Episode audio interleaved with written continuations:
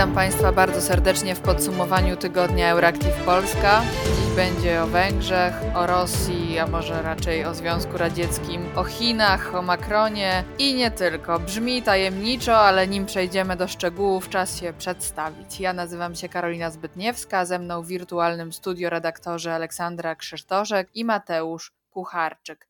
Dzień dobry. Dzień dobry. Dzień dobry. Wydawczyniami odcinka są Joanna Jakubowska i Kinga Wysocka. Zacznijmy od krótkiego przeglądu najciekawszych informacji tygodnia. Zaczniemy od naszego bratanka, od Węgier. Tam zawsze jest wesoło, choć może nie dla demokracji. Otóż Viktor Orban ogłosił w środę, że posłowie jego partii Fideszu opuszczają Europejską Partię Ludową, czyli centroprawicową frakcję w Parlamencie Europejskim, do której należą m.in. europosłowie Koalicji Obywatelskiej i PSL-u. Jest to długo wyczekiwany przełom w trwającej ponad dwa lata sadze największej rodziny politycznej w Europie i jej bojowo nastawionej węgierskiej latorośli. Wcześniej posłowie z grupy Europejskiej Partii Ludowej zagłosowali przytłaczającą większością głosów 148 za, 28 przeciw, przy czterech wstrzymujących się za umożliwieniem wyrzucenia lub zawieszania całych delegacji partyjnych, a nie tylko pojedynczych europosłów. Po głosowaniu Orban poinformował w liście do szefa frakcji EPL-u Manfreda Webera, że 12 posłów Fideszu zrezygnuje z członkostwa w 187-osobowej grupie EPL, czyli największej w Parlamencie Europejskim. Orban wyznał, że postrzega nowe zasady jako wyraźnie wrogi ruch przeciwko Fideszowi i dodał, że pozbawiają one węgierskich wyborców ich demokratycznych praw. To jest antydemokratyczne, niesprawiedliwe i nie do przyjęcia, napisał. Na to odparł Manfred Weber. Nie potrzebujemy żadnej lekcji na temat naszych wartości w EPL-u. Chodzi o prowokacje przeciwko Europie, o prawa podstawowe i rządy prawa. Frustracja wobec Fideszu sięgnęła zenitu po tym, jak w zeszłym roku Węgry, no i Polska, zablokowały wieloletni budżet unijny w związku ze sporem o mechanizm pieniądze za praworządność. Nie wiadomo jeszcze, do jakiej grupy politycznej mogliby wyemigrować europosłowie Fideszu. Europejscy konserwatyści i reformatorzy EKR Szósta co do wielkości grupa obejmująca polskich sojuszników Fideszu Prawo i Sprawiedliwość w swoim oświadczeniu wyraziła sympatię i solidarność z europosłami Fideszu. Ale też czwarta co do wielkości grupa w Parlamencie Europejskim, czyli skrajnie prawicowa partia Tożsamości i Demokracji, również może być dobrą dla Fideszu opcją. Ale to nie koniec przygód antydemokratycznych prawicowych populistów w Europie, bowiem Federalny Urząd Ochrony Konstytucji Niemiec uznał partię Alternatywa dla Niemiec AfD za podejrzaną o prawicowy ekstremizm. Zamierza poddać ją obserwacji z wykorzystaniem metod kontrwywiadowczych. Tymczasem jesienią tego roku zaplanowano w Niemczech wybory, dlatego też AfD oskarża ów e, Federalny Urząd Ochrony Konstytucji o działania polityczne pod dyktando rządzących chadeków z CDU-CSU oraz socjaldemokratów z SPD. Jak żyć? Tymczasem Międzynarodowy Trybunał Karny ogłosił w środę, że otwiera formalne dochodzenie w sprawie zarzutów popełnienia zbrodni wojennych przez Izrael i palestyńskie grupy bojowe na terytoriach okupowanych przez Izrael. Decyzja, która rozwścieczyła wielu Izraelczyków, została za to przyjęta z zadowoleniem przez przywódców palestyńskich i ich zwolenników. W Szwecji natomiast osiem osób zostało rannych podczas ataku nożownika w środowy wieczór w miejscowości Wetlanda na południu kraju. Napastnik został postrzelony przez policję i przetransportowany do szpitala. Zdarzenie zakwalifikowano jako atak terrorystyczny. Jeszcze na koniec Birma, gdzie nie ustają protesty przeciwników wojskowej hunty. W środę, w najkrwawszym dniu od początku puczu, zginęło aż 38 manifestantów. Mimo to Birmańczycy w czwartek znów tłumnie wyszli na ulice swoich miast. Od początku protestów zginęło już około 60 osób. Tyle już mówię, a jeszcze nie pojawiło się słowo o szczepionkach. Czas naprawić ten gruby nietakt. Tym samym przekażę głos Oli Krzysztoszek, która spojrzy na niesolidarną politykę szczepionkową niektórych państw Unii Europejskiej. I nie będzie zdziwieniem to, że jednym z nich są Węgry.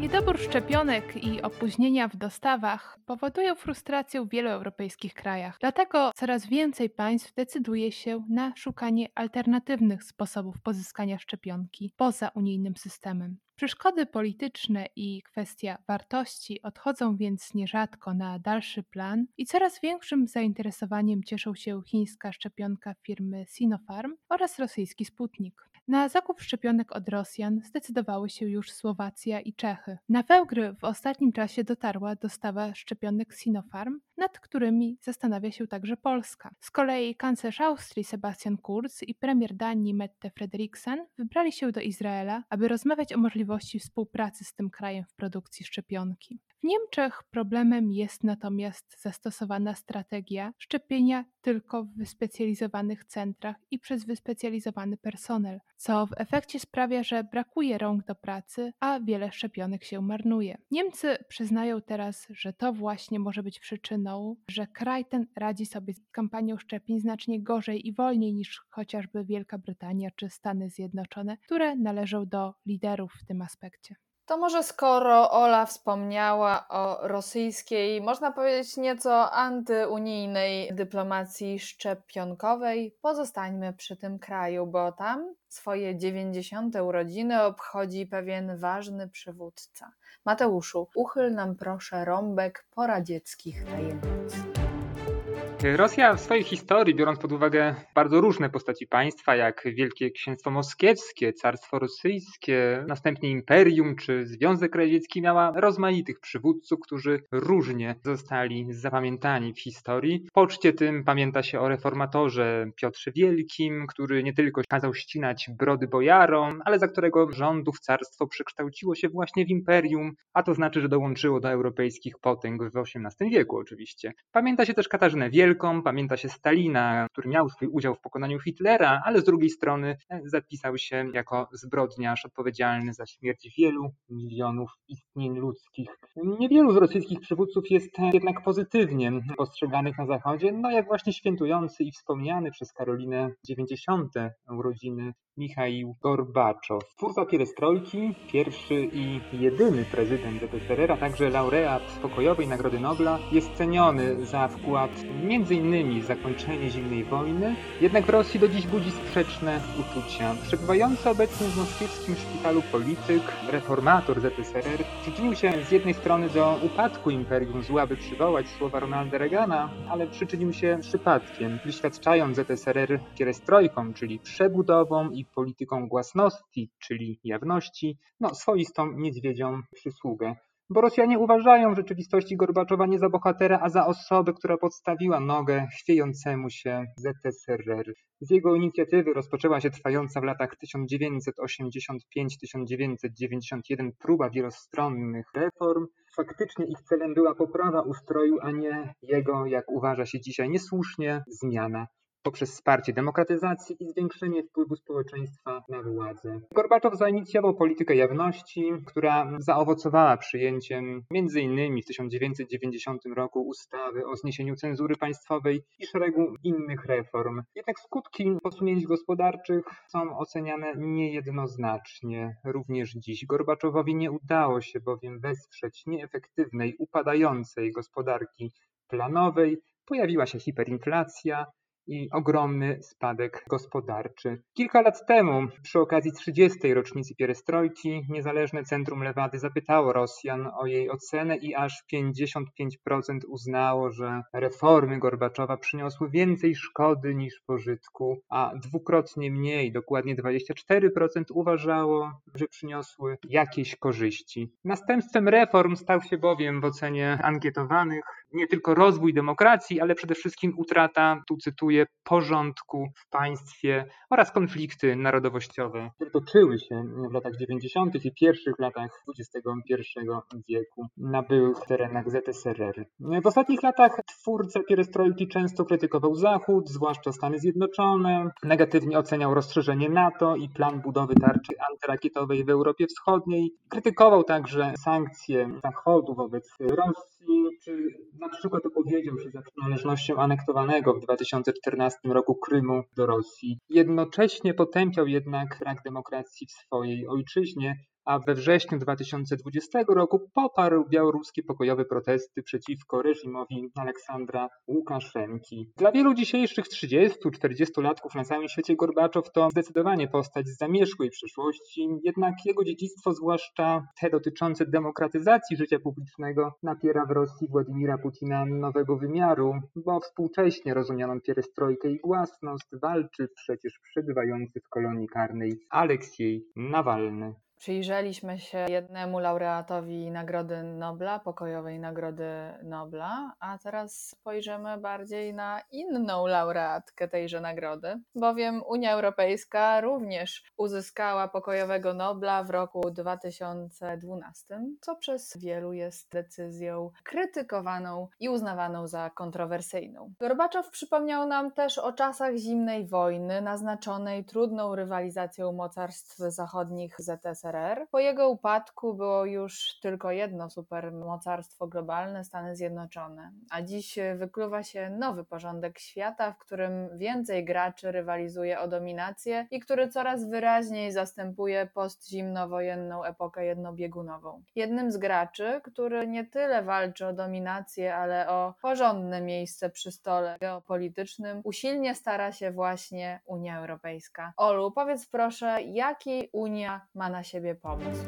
Pomysł Unii Europejskiej na siebie to autonomia strategiczna, ale tylko przy ścisłej współpracy z NATO. W taki sposób można podsumować ustalenia ostatniego szczytu Rady Europejskiej. Jak pamiętamy, głównym propagatorem koncepcji autonomii Europy w zakresie obronności był prezydent Francji Emmanuel Macron, a przesłanką do rozważenia takiej idei stały się rządy i polityka Donalda Trumpa. Dziś Stany Zjednoczone mają nowego prezydenta, znacznie bardziej otwartego na współpracę z Europą. Tym niemniej przewodniczący Rady Europejskiej Charles Michel stwierdził, że pewna autonomia Europy w dziedzinie bezpieczeństwa jest potrzebna i dobra. Nie ma jednak mowy o porzuceniu czy nawet ograniczeniu współpracy z NATO i USA. Rosnąca agresja Rosji, coraz bardziej brutalne formy terroryzmu, złożone cyberataki, wzrost potęgi Chin czy wpływ zmian klimatu na bezpieczeństwo to wyzwania, z którymi żadne państwo ani kontynent nie poradzi sobie bez pomocy. Ani sama Europa, ani Ameryka stwierdził zaproszony na unijny szczyt szef Sojuszu Północnoatlantyckiego Jens Stoltenberg. Stoltenberg, który pochodzi z Norwegii, a więc z kraju niebędącego częścią Unii, przypomniał także,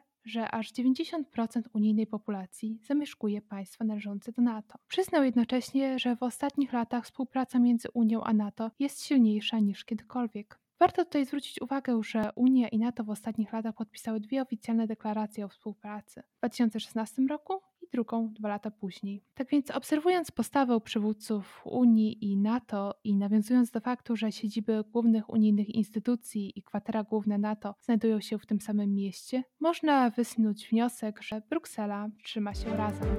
Na koniec Winston Churchill. Obraz tego byłego brytyjskiego premiera, który należał do tej pory do Angeliny Jolie, został sprzedany za 7 milionów funtów, czyli ponad 8 milionów euro na aukcji w Londynie trafił do anonimowego nabywcy. Obraz The Tower of the Kotubia Mosque, czyli wieża meczetu księgarzy, został namalowany w Marrakeszu w czasie II wojny światowej po konferencji w Casablance w 1943 roku. Był to jedyny pejzaż, który Churchill wykonał podczas wojny. Wówczas podarował to swoje dzieło koledze z czasów wojennych, czyli prezydentowi USA Franklinowi Rooseveltowi na urodziny.